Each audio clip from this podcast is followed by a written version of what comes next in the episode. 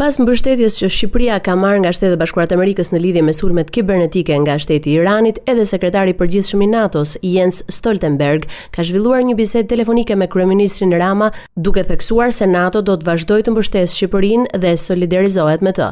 Kujtojmë që pas hetimeve, Shqipëria ndërpreu marrëdhëniet diplomatike me Iranin.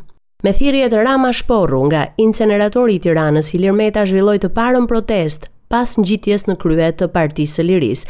Ai hodhi në adresë të kryeministrit të vendit tre akuza, duke cilësuar aferën 430 milionë euro të inceneratorëve një ndër vjedhjet më monstruoze të qeverisë ndaj shqiptarëve.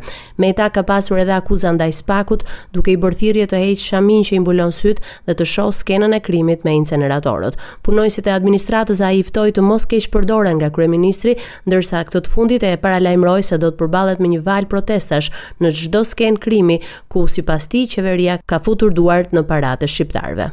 Partia Demokratike propozoi shtimin me 34 njësi vendore të ndarjes territoriale për ta çuar në 95 numrin e bashkive në mbarë vendin.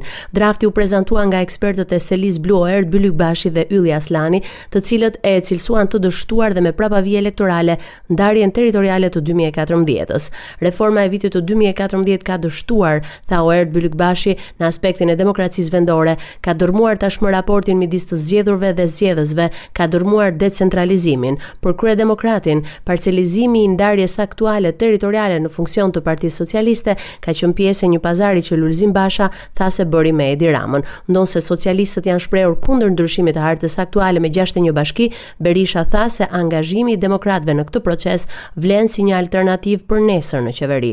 Një votim masiv i shqiptarëve për PD-në dhe opozitën bën të mundur rikthimin e kësaj ndarjeje të re territoriale e cila është në interesin më të mirë të qytetarëve shqiptarë dhe Shqipërisë. Sipas propozimit të bërë nga demokratët që mbështesin Sali Berishën, Tirana propozohet të ketë katërmbëdhjetë bashki të vogla dhe bashkinë qendrore.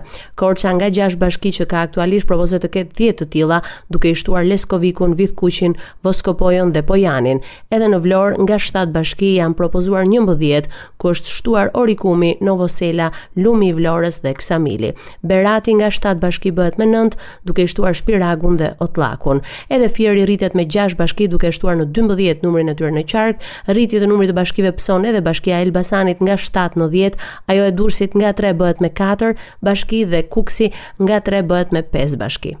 Ministrja e Infrastrukturës dhe Energjetikës si dhe zëvendëskryeministrja e vendit Belinda Balluku deklaroi nga foltorja e kuvendit se në Shqipëri nuk do të aplikohet ndërprerja e energjisë elektrike si pasojë e krizës energjetike. Sipas saj, as çmimi i energjisë nuk do të pësojë ndryshim për konsumatorët familjar dhe biznesin e vogël. Ajo njoftoi gjithashtu se qeveria ka nisur një fushatë të efiçiencës së energjisë, duke iu përgjigjur në këtë mënyrë edhe deklaratave të opozitës se 40% e qytetarëve nuk paguajnë dot energjinë.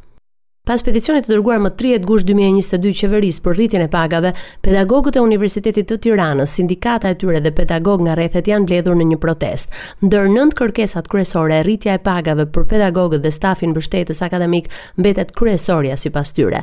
Ata theksuan se është e padrejtë që pedagogët nuk kanë pësuar rritje rroge që nga dy mijë e pesa dhe kanë dërguar edhe kërkesa në vazhdimësi.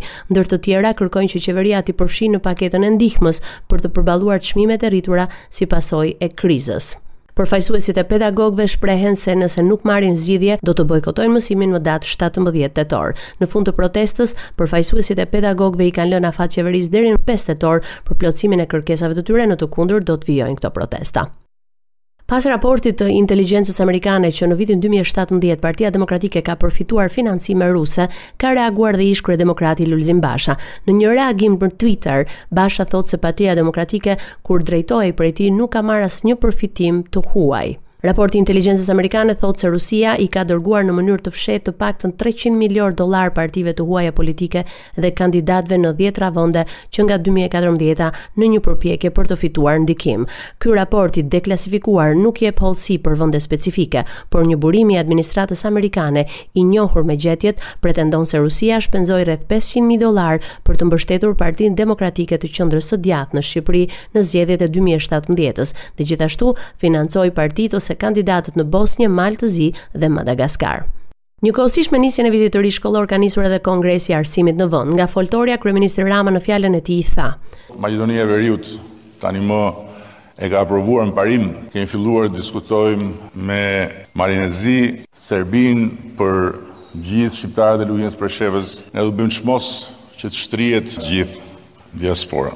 E mbase është koha për ta diskutuar futjen e gjuhës shqipe në çdo nivel të arsimimit. Ne shpresojmë shumë që përmes lobimit politik të bindim Bashkimin Europian që ta përfshijë edhe sistemin universitar të vendeve tona në sistemin universitar europian. Ministrja e Arsimit foli për politika që synojnë të ndalin hemorragjinë e largimit të të rinjve nga vendi, duke i dhënë prioritet arsimimit të tyre në Shqipëri, ndërsa mbështetjen për të rinjtë ka dhënë edhe në emër të Shteteve të Bashkuara të Amerikës ambasadorja amerikane Yuri Kim, e cila ishte ftuar në Kongresin e Arsimit. Raporton nga Tirana për Radio SBS Gerta Heta.